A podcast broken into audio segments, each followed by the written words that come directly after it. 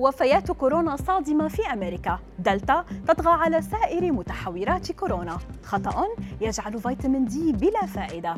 أبرز أخبار الساعات الأربع والعشرين الماضية في دقيقتين على العربية بودكاست.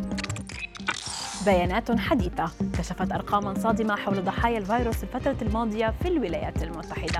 فقد أفادت بيانات نشرتها جامعة جونز هوبكنز التي تعتبر مرجعا في تتبع الإصابات والوفيات الناجمة عن كورونا بأن الفيروس حصد في الولايات المتحدة أرواحا أكثر مما فعلت الإنفلونزا الإسبانية قبل قرن من الزمن.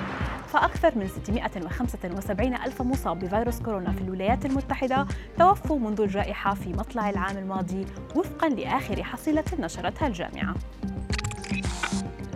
كشفت منظمة الصحة العالمية أن متحور دلتا طغت على المتحورات الثلاث الرئيسية المثيرة للقلق كورونا.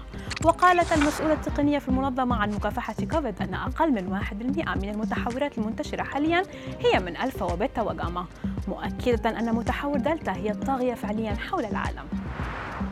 كما أضافت أن دلتا أصبح أكثر قوة وأشد عدوى وأكثر انتشارا فقد تم رصد دلتا في أكثر من 185 دولة حتى الآن.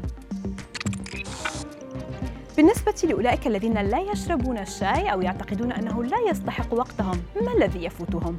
أحد الآثار الجانبية الرئيسية لعدم شرب الشاي هو أنك قد تفوت فرصة الحصول على نوم أفضل فالأبحاث تستمر في إظهار أن أنواع معينة من شاي الأعشاب منخفض الكافيين مثل الشاي الأخضر لها خصائص يمكن أن تساعد على النوم بشكل أسرع وتحسين الجودة العامة للراحة وفق موقع This Not That لا يخفى على أحد الفوائد العظيمة لفيتامين دي على صحة الإنسان. ورغم ذلك فقد حذر أخصائي التغذية ويتني كراوتش من أن تناول مكملات الفيتامين دون مجموعة مهمة من الأطعمة قد لا يأتيك بنفس النتائج. وأوضح أنه من المحتمل ألا يتمكن جسم الإنسان من امتصاص الفوائد الهائلة لفيتامين دي بشكل كامل.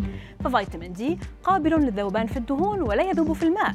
لذا من الضروري أن يقترن بالدهون ليتم توزيعها بشكل صحيح وامتصاصها من قبل الجسم.